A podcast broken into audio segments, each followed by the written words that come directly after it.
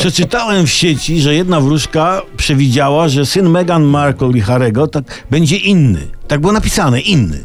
To co, książę Harry przedstawi publiczności dziecko mówiąc Państwo pozwolą? To jest mój syn Zofia. I lewicowa brytyjska gazeta Guardian narobi ze szczęścia w szpalty. Inny, no. Tajemnicza sprawa. Ale ja o czym innym. Ale mówiąc o tajemnicach i księciach, zdradzę wam teraz, kochani, zgromadzeni, skrywaną tajemnicę księcia Eteru Skowrona. Otóż Skowron zakochał się.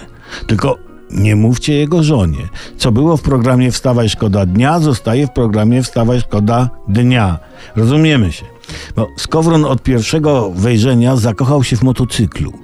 Takim dwukołowym z silnikiem, siodełkiem, tam manetkami, czymś tam typu rura zapachowa, typu hamulec. No, no widzicie, koleś przeżywa drugą starość.